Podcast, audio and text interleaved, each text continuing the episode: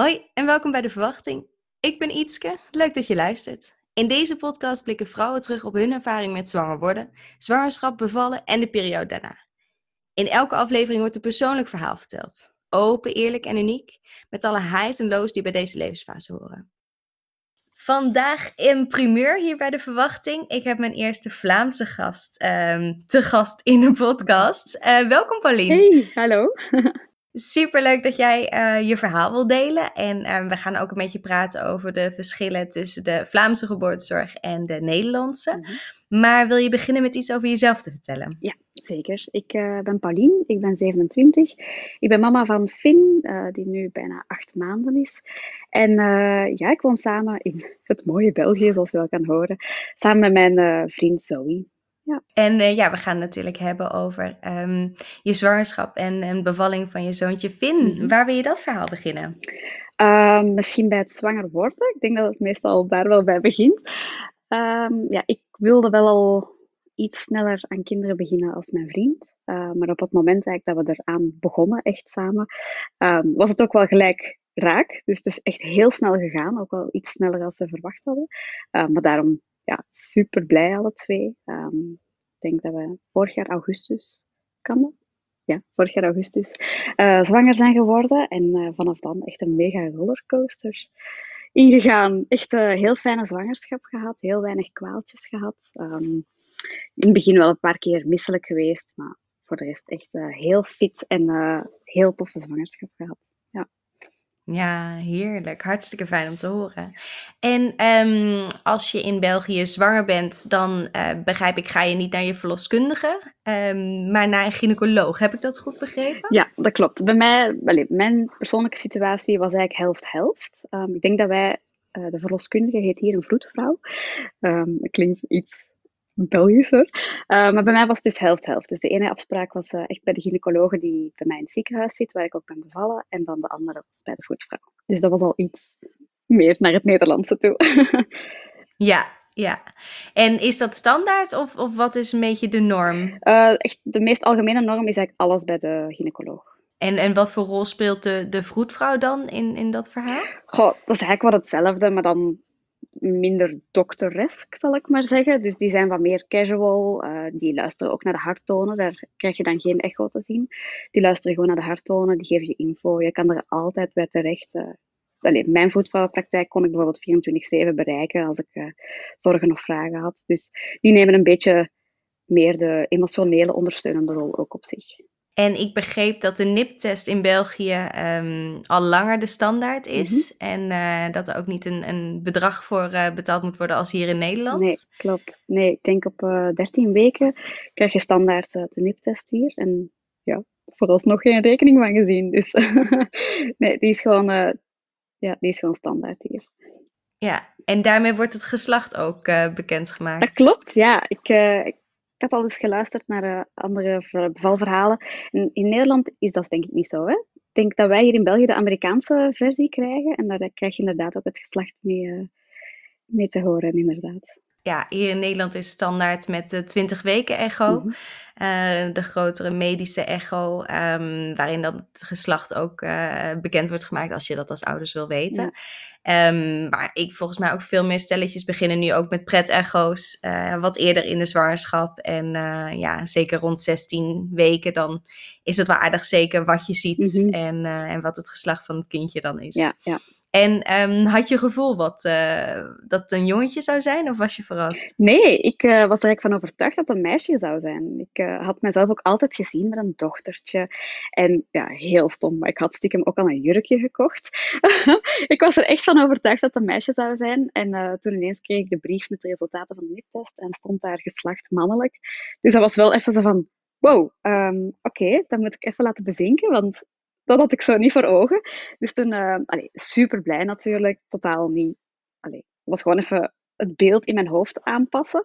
Dus um, ja, dan heb ik alles op mijn Pinterest-pagina verwijderd wat dan meisjesachtig was. en uh, ja, een jongetje dit was. Ja, hadden jullie daar een momentje van gemaakt? Van, van, uh, dat jullie achterkwamen wat het was? Of dacht je, oké, we krijgen het gewoon met de brief, uh, met de bus binnen en uh, Ja, we zien het wel. Ja, ik moest wel wachten van mijn vriend om de brief open te maken. Hij was al uh, thuis gekomen als ik iets vroeger thuis was. En dat was echt de langste paar uur ooit. Uh, maar als hij thuis was, hebben we hem samen opengemaakt en hebben we later wel zo'n kleine gender reveal gedaan voor uh, vrienden en familie. Om te laten weten aan de rest wat het was. Ja, ja heel leuk. En um, hoe keek je naar de bevalling?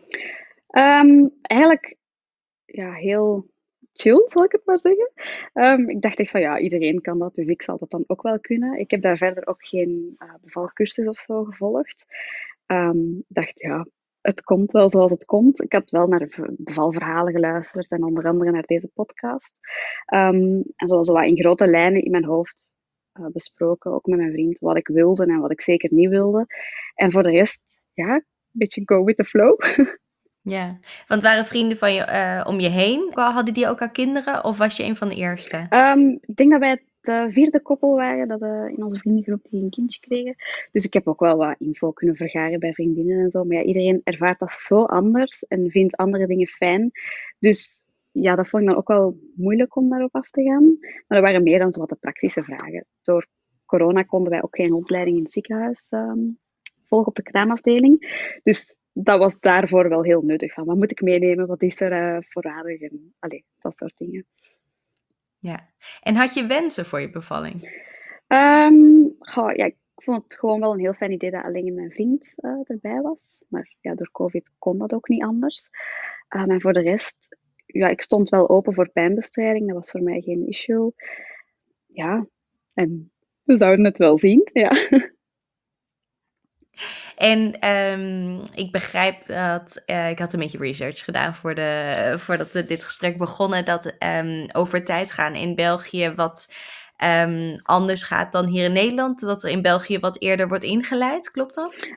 bij mij persoonlijk, uh, gynaecoloog nu niet echt. Ik uh, was uh, 37, 36 weken zwanger als ik haar voor het laatst gezien heb. En Finn was al iets groter als gemiddeld, of hij meette toch al iets groter als gemiddeld. En ik begon me daar op het einde wel wat zorgen over te maken. Dus ik heb dat toen ook gevraagd van, ja, wat als hij te groot wordt, uh, wordt er dan actie ondernomen? En zij zei, ja, nee, niet echt. Um, we houden dat wel in de gaten, maar we gaan je daar niet speciaal voor inleiden of vroeger voor inleiden. Uh, dus ja, dat vond ik wel nog spannend. Maar ja, in mijn geval, mijn gynaecologe was daar dus niet echt ja, voorstander van om dat te doen. Nee, nou ja, grotere kindjes uh, hoeft inderdaad ook helemaal geen probleem te zijn natuurlijk. En hoe kondigde de bevalling zich aan? Um, ja, ik heb daar zelf wel een klein beetje mee geholpen. Of ik denk toch dat, het, dat mijn acties wat geholpen hebben. De avond uh, voordat de bevalling is begonnen, uh, had ik nog een afspraak bij de voetvrouw. En uh, die zei toen ook nog eens van, oh, die zit daar wel nog heel goed. En ja, ik zat daar toen al een week later als bij de gynaecoloog. Dus ik ook al van, ja, maar ja, hij is wel groot. En Hij moet er nog niet gelijk uit, maar ik wil ook niet in de kranten komen staan met grootste baby van het jaar of zo. Um, dus ze zei ook wel van ja, misschien moet je het hem gewoon iets minder comfortabel maken. Hij zit daar nog lekker, je bent super relaxed. Ik was ook al heel veel weken thuis. Uh, technisch werkloos thuis door corona. Dus ja, ik had op mijn gemak het huis gepoetst en alles was in orde en de vriezer was volgekookt. Dus ja, ik was echt super relaxed. En um, zei, ja, misschien moet je het dan toch iets minder comfortabel maken.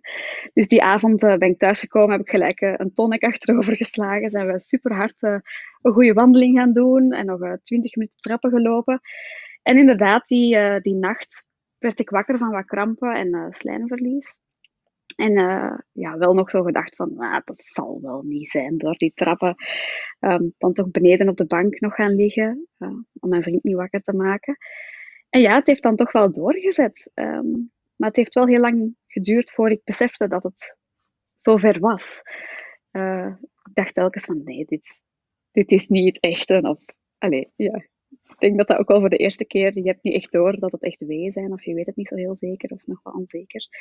Dus uh, het was eigenlijk pas totdat mijn vriend zei van misschien moet je gaan douchen en gaan klaarmaken om straks weg te gaan, dat het bij mij zo klikte van ah, als hij het zegt, zal het wel zo zijn zeker. Ja, wat hadden jullie afgesproken op wat voor moment je dan naar het ziekenhuis zou gaan? Um, niet echt, nee. Allee, het was morgens om zeven uur dat ik hem heb gewekt dan. Um, en we zouden het dan wel wat aanzien. Ik heb dan een paar uur later wel naar het ziekenhuis gebeld. Um, en gezegd van ja, ik heb weeën. Wat moet ik? Uh, ja, ik had altijd zo het idee dat daar heel ehm, dat die heel lang moesten duren. Maar achteraf gezien was dat dan dus eigenlijk niet helemaal zo. Ik denk gewoon in mijn hoofd met toch wel nerveus te zijn, dat ik dat mij zo had ingepland. En ehm, ik weet dat ik toen een voetvrouw aan de, aan de deur, uh, aan de telefoon kreeg. En dat zij zei van, uh, ja, maar mevrouw, u klinkt wel nog heel rustig. Ik denk dat het nog wel mee zal vallen. En dat ik dacht van, ja, oké dan. Ja, gaat u maar in bad liggen. En ik had toen zoiets van, ah nee, ik heb net gedoucht. Ik wil helemaal niet in bad gaan liggen, jakkes. En um, we hebben toen nog echt uh, het bed verschoond en van alles nog rustig uh, in orde gebracht. En dan toch tegen 12 uur naar het ziekenhuis gaan, omdat ja, ik wel voorovergebogen op uh, het keukeneiland stond. En dan, ik denk dat we daar om half één waren en toen had ik toch al 5 centimeter ontsluiting. Dus dat was toch al lekker vlot gegaan. ja, heel fijn. Ja. Bleven je weeën doorzetten toen je naar het ziekenhuis ging? Ja, absoluut. Um, dat is echt heel snel gegaan eigenlijk voor mijn gevoel. Het was ook echt zo hevig op een moment dat ik, uh, dat ik ervan heb moeten overgeven. Dus, dat overviel mij ook wel heel erg. Um, ik heb dan uiteindelijk toch wel epidurale verdoving gekregen. Ik denk dat dat tegen een uur of één was. En toen begon het toch wel wat spannender te worden, omdat ik van zo'n hoge spanning naar zo'n ontspanning ging van de epidurale verdoving, was de hartslag van Finn ook serieus gedaald. Um, dat er op een gegeven moment een voetvrouw binnenkwam en die pakte mijn pols vast en die zei, voel je je wel goed? Uh, ga je flauw vallen? Is alles oké? En dat ik echt zoiets had van, ja, alles is goed. En ik zie haar ineens op de, de help-button, of is dat, de panic-button duwen. En ineens stond heel de kamer, heel de kamer vol. En hebben ze wel echt um, ja, Finn zijn hoofd vastgepakt en hem in mij wakker geschud, zeg maar, eventjes wakker moeten schudden. Um, en toen voelden ze ook al gelijk dat ik echt op een half uur al naar 9 centimeter was gegaan. Um, dus dat is wel heel snel gegaan. Maar dan door de epidurale, dat, uh, uh, ja, dat ik zo ontspannen was geworden, is het toen ook wel iets langzamer gegaan naar het punt dat ik mocht beginnen persen. Maar vooralsnog leek dat echt maar een kwartier, terwijl dat, dat een halve dag was. ja, nee, dat is ontzettend snel mm. gegaan, inderdaad. Absoluut. Maakte je zorgen om, uh, om de hartslag van Finn? Of Op... had je vertrouwen in dat het goed herstelde? achteraf gezien maak ik me daar meer zorgen om. Dat is eigenlijk heel gek. Op dat moment zelf was dat eigenlijk best wel overdonderend. Ineens stond iemand binnen. En het was eigenlijk ook zo snel opgelost dat ik volgens mij niet echt een moment heb gehad om er goed over na te denken. Dus nee, ik heb me daar op, op dat moment niet echt heel veel zorgen over gemaakt. Maar achteraf gezien denk ik wel van, allee, ja, dat is toch wel even stressy als je dat zo terugvertelt. Ja, ik denk vooral ook de, de reacties van uh, het medisch personeel om je heen. Mm heeft ook een enorme invloed. Als zij zeggen, ah nee, het is goed, dan ja, kan je dat heel snel overnemen, denk ik. Ja, absoluut. Ja, Allee, ja ze waren ook wel heel snel ja, met de harttonen te meten en zo. Ik lag ook heel tijd aan de monitor. Dus ik denk ook het feit omdat zij zo snel gereageerd hadden, dat, dat ik me daar ook wel ontspannen door voelde. Ja, ja, ja ze hielden je duidelijk goed in de gaten. Mhm. Ja, fijn.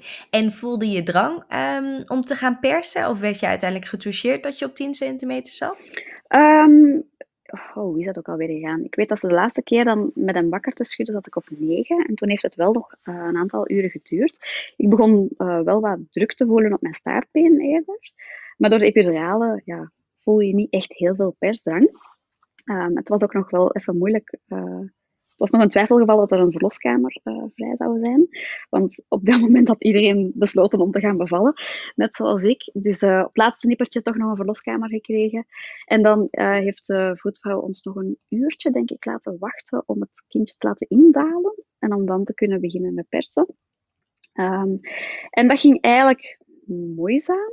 ik voelde totaal geen persdrang ik had wel die druk op mijn staartbeen, maar ik voelde totaal geen persdrang, waardoor dat ik ook niet echt voelde hoe dat ik moest persen of waar dat ik juist druk moest zetten.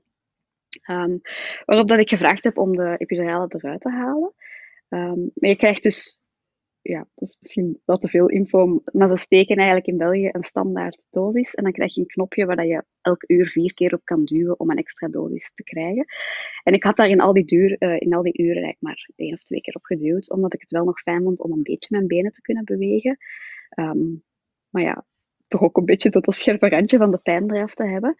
Um, maar dat wist die voetvrouw dus niet. Dus zij zei, oh, oké, top idee, we halen die epidurale eruit. En um, ja, tegen dat hij eruit komt, is dat sowieso nog niet uitgewerkt.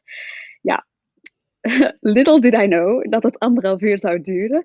Dus tegen dat hij, het moment was dat hij geboren werd, heb ik eigenlijk gewoon weer alles gevoeld. Dus ehm, ja, ik denk ook deels daardoor dat het misschien op het einde ook wat moeizamer ging. Ehm, maar uiteindelijk, na anderhalf uur persen, is Finn geboren. Ja, en werd hij gelijk bij je gelegd? Of um, hoe ging dat? Ja, dus ik heb hem zelf mogen aan, uh, aannemen. Um, op een gegeven moment riep, uh, riep iedereen om me heen, nou, doe je ogen open, doe je ogen open, hij is er, je mag hem pakken. En dan heb ik hem zo uh, aangenomen en op mijn borst gelegd. Ik had ook op voorhand al gevraagd of dat ze ja, Finn een beetje wilde laten zoeken naar de tepel, omdat ik heel graag borstvoeding wilde geven. Ik had daar ook zo'n cursusje voor gevolgd en daarin zeiden ze van dat het best is dat je het kindje zelf wel laat zoeken naar de tepel en dat ze niet gelijk het hoofdje vastnemen en zo. En dat hebben ze ook heel mooi gerespecteerd. We hebben echt uh, heel lang skin to skin mogen liggen en uh, ze hebben netjes alles getimed om uh, de navelstreng door te knippen en zo. Dus ja, dat was wel heel fijn. Ja, want wilde je de navelstreng um, uit laten kloppen voordat die uh, geknipt werd? Um, ik heb daar wel vragen over gesteld op voorhand. Maar in het ziekenhuis waar ik ben bevallen werd dat standaard getimed. Uh, ik denk op ah. twee minuten en een half of zo. Dan gingen ze echt wel met de timer erop zitten en dan werd die doorgeknipt. Ja. Ja. ja. En heeft Finn ook nog die breast crawl gedaan, wat, wat babytjes soms kunnen doen om de tepel te zoeken? Ja, ja de, toch wel een klein beetje. Hij heeft het niet helemaal zelf kunnen aanhappen, maar uh, ja, hij zat er wel al echt op. Dus het was wel ja. heel speciaal om te zien. Ja, ja super bijzonder. Ja, echt. Ja, en um, kwam de placenta makkelijk? Ja, absoluut. Ik, uh, dat was eigenlijk nog, wel iets waar ik op voorhand wel zenuwen over had. ik dacht, oh nee, ga ik daar ook nog voor moeten persen en zo. Maar die vloepte er ineens gewoon uit. Ja. Oh, fijn nou ja, heel fijn om daar niet uh, zorgen over te maken op mhm. dat moment. En gewoon lekker te kunnen genieten met z'n twee. Ja, inderdaad. En alles ging gelijk goed, dus ook met Finn. Ja, met Finn ging alles uh, supergoed. Uh, tijdens het skin-to-skin merkte ik wel dat ik ineens hevig begon te vloeien. Dus dan hebben we wel de voetvaar nog eens gepeld. En die nam één blik tussen mijn benen en die is toen ook echt heel hard op mijn buik beginnen duwen, waardoor er nog redelijk wat grote bloedklonters zijn uitgekomen, maar echt als in ja, ik hou het nu op, maar echt wel heel groot. Um, en het is echt wel zeker een, een mango, om het even zo visueel uh, te brengen. Zo. Ja, absoluut. En het enige... Dat zijn behoorlijke klanten. Ja, inderdaad. Het enige wat ik toen ook gezien heb, is de reactie van mijn vriend. Uh, zijn gezichtsuitdrukking. Waarvan ik toen al dacht van, oké, ik hoef het niet uh, te horen. Maar um, ik denk dat daardoor ook mijn baarmoeder netjes was weer gekrompen. En toen was alles weer oké. Okay. Ja, maar eh, weet je hoeveel bloed je had verloren? Nee, niet exact. Ze hebben ook wel niks moeten bijgeven, dus ik denk niet dat dat extreem veel was of zo. Nee. Nee. Nou ja, goed dat jullie inderdaad dan even aan de bel trokken, want uh, hm. dat was duidelijk nog even iets wat, uh, wat eruit wat eruit moest. inderdaad. Ja, ja. En um, hoe lang blijf je in het ziekenhuis uh, na een, een, vaginale bevalling? Um, hier standaard drie nachten, maar je kan wel gewoon ja, aangeven dat je veel sneller naar huis wilt. Um, ja, dat is een beetje jezelf, ja, je eigen wensen. Maar standaard is drie nachten en ik merk wel in mijn omgeving dat daar wel echt gebruik van wordt gemaakt. Dat de mensen ook wel echt drie nachten blijven. Uh, wij zelf zijn twee nachtjes gebleven. Doordat Finn zijn gewicht uh, iets hoger was voor het aantal weken uh, dat ik zwanger was, moesten wij 24 uur onder controle blijven voor zijn uh, bloedsuikers. Um, en dat was net, ja, ik ben s'avonds bevallen, dus dat was dan die avond tot de volgende avond. Ja, en dan ga je s'avonds ook niet echt meer naar huis. Dus dan zijn wij nee. dat nachtje ook nog gebleven. Dus we zijn uiteindelijk twee nachtjes gebleven. En dat was wel echt heel fijn. Ja, gewoon lekker met z'n tweetjes. Ja, met z'n drietjes ja. dan eigenlijk. Ja. Want hoeveel? Ja, met z'n drietjes. ja, want mocht, uh, mocht je partner blijven? Ja, die moest blijven. Dus uh, door corona oh, had hij, moest hij kiezen. Oftewel ging hij naar huis en mocht hij niet meer terugkomen. Oftewel moest hij blijven. Dus ja, dan was de keuze wel snel gemaakt natuurlijk. Ja, ja en natuurlijk. Dat was eigenlijk op voorhand niet echt ons plan. Ons plan was eigenlijk dat hij gewoon s'nachts naar huis zou gaan. Uh, maar achteraf gezien zeiden wij ook van, dat was zo fijn, die tijd samen daar. Ja, dus, uh, ja heerlijk. Mm. Ja. ja, dat is dan weer even een voordeel uh, van, van corona. Ja, absoluut. Alle maatregelen. Mm -hmm. Ja. En um, hoeveel weken was je eigenlijk toen, uh, toen je beviel? Uh, net geen 38 weken. Ik denk 37 weken en 6 dagen of zo. Ja. En Finn was een grote jongen, zei je? Ja, absoluut. Hij was uh, 52 centimeter en ik denk 4 kilo, 200 of zo. Ja. Ja, stevig, stevig manneke. Ja. ja. en je bent aardig uh, petit volgens mij uh, zelf. Dat valt wel dus, mee, ja. dat is een behoorlijk ventje wat, wat eruit is gekomen. Ja, ja, mijn vriend is wel bijna twee meter. Dus ik denk dat we daar de oorzaak wel kunnen vinden. ja, ja, oh leuk. En um, je zei dat je graag borstvoeding wil geven. Hoe verliep dat? Supergoed eigenlijk. Ja, de, hij hapte meteen aan en uh, hij wist gelijk waar, uh, waar hij het moest vinden. Dus dat ging eigenlijk heel goed van in het begin. Ja, dat was uh, super fijn dat dat zo goed op gang kwam ook. Ja, had je iets gehad aan de voorbereiding die je had gedaan? Ja, zeker. Ik, ik wist wel echt waar ik moest op letten bij het aanhappen van, van Finn. En ja, ik was daar eigenlijk wel gelijk mee weg. Ik wist wel hoe dat zijn lipjes moesten staan en hoe dat alles moest zitten. En dat gaf mij ook wel gewoon heel veel zelfvertrouwen. Ik denk dat dat wel het belangrijkste was, zelfvertrouwen. Ja, ja, ja super fijn. Mm. Ja, heerlijk om te horen dat dat zo, uh, zo soepeltjes ging allemaal. Mm -hmm. hoe, uh, hoe was je kraamtijd verder? Heel rustig. Ja, we konden niet echt bezoek ontvangen. Dus we hebben echt gewoon heerlijk met z'n drieën ons opgesloten in een soort van cocoon. En helemaal genoten van, uh, van de baby en mooie wandelingen gemaakt. Het was super mooi weer al. Dus we zijn eigenlijk wel redelijk snel gaan wandelen. Ik was ook niet uitgescheurd of, uh, of iets. Dus mijn herstel was ook wel redelijk vlot. Dus ik kon al wel redelijk snel ja, mee leuke toertjes gaan doen. En uh, ja, trots achter onze kinderwagen wandelen. Ja, heerlijk. Ja, nou dat, als ik dat dan zo hoor, je bent natuurlijk, uh, wat was het, eind april mm -hmm. uh, bevallen. Klopt. En dat was dan in de eerste golf nog. Mm -hmm. um, gelukkig een heel mooi voorjaar. Dat ja. is dan wel weer een voordeel. Ja. Maar heeft uh, corona verder een invloed gehad op je zwangerschap en je kraamtijd? Goh ja, ik ben wel daardoor vroeger thuis te komen zitten. Mijn plan was eigenlijk om uh, een week voor de uitgerekende datum tot een week daarvoor te blijven werken. Uiteindelijk heb ik uh, zes weken daarvoor wel thuis gezeten. En in het begin was dat wel even kortsluiting bij mij. Ik dacht, oh nee, ik had nog een kappersafspraak staan. En ik zou mijn nagels nog laten doen en naar de wax. En we wilden nog eventjes uit eten en zo. Ja, dat viel allemaal in het water. Dus dat was voor mij wel even weer alles opnieuw bedenken hoe ik mij ging voorbereiden voor de bevalling. Maar uiteindelijk ja, heb ik me helemaal gesmeten op het uh, schoonmaken en op de nesteldrang. En vriezer vol gekookt, waar we achteraf ook super veel plezier van hebben gehad. En uh, ja, tijdens de kraamtijd hebben we dan wel meer terrasbezoek gehad, zal ik het maar noemen. Dan zijn er wel uh, wat familie en vriendinnen op het terras op bezoek gekomen. En ik vond dat heel eerlijk gezegd wel fijn zo. Achteraf gezien kon ik me dat echt niet inbeelden dat er al superveel mensen aan mijn bed in het ziekenhuis hadden gestaan. Of elke dag zoveel andere mensen op bezoek. Oh, ik vond het achteraf gezien wel eigenlijk heel fijn zo. Ja.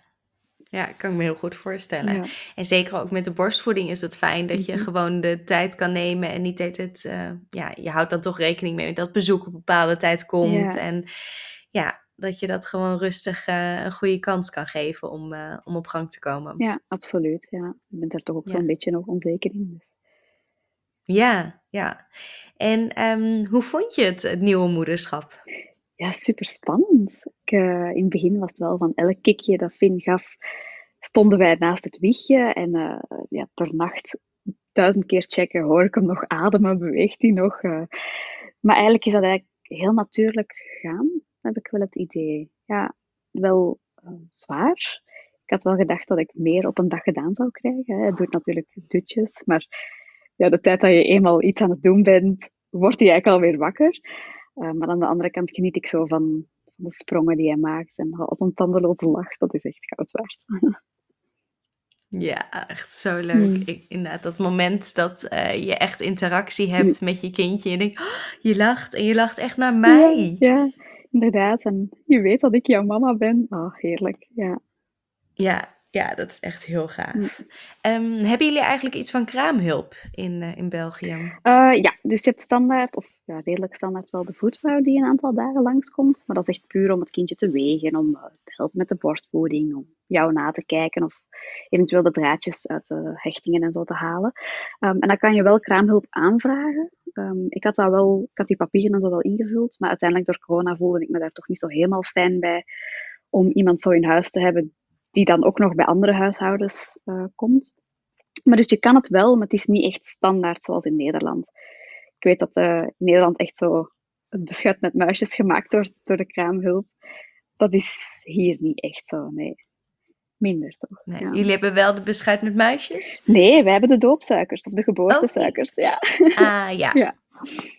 Ja, inderdaad. Oh ja, inderdaad. Zo grappig dat je zo dichtbij, maar dan toch echt een hele andere traditie en ideeën over uh, ja, hoe het allemaal hoort tussen haakjes. Ja, ja, absoluut. Ja. ja, dat is gek, maar toch ook wel leuk. Ja, ja, en je vertelde dat je verlof wat langer was. Um, nou, vooral ook eerder is begonnen mhm. eh, eh, door corona en de, de, hele situatie daaromheen. Um, hoeveel weken verlof heb je standaard? Um, je hebt hier uh, bij een bevalling drie maanden standaard, zeg maar, zwangerschapsverlof heet dat. En dan kan je, ik denk minimaal één week voor de uitgerekende bevaldatum stoppen met werken. Ehm, en alles wat dan je dan vroeger stopt, gaat dan wel af van die drie maanden achteraf. Mm. Ehm, dus daarom wilde ik ook één week op voorhand stoppen. Dan heb je lekker veel tijd achteraf.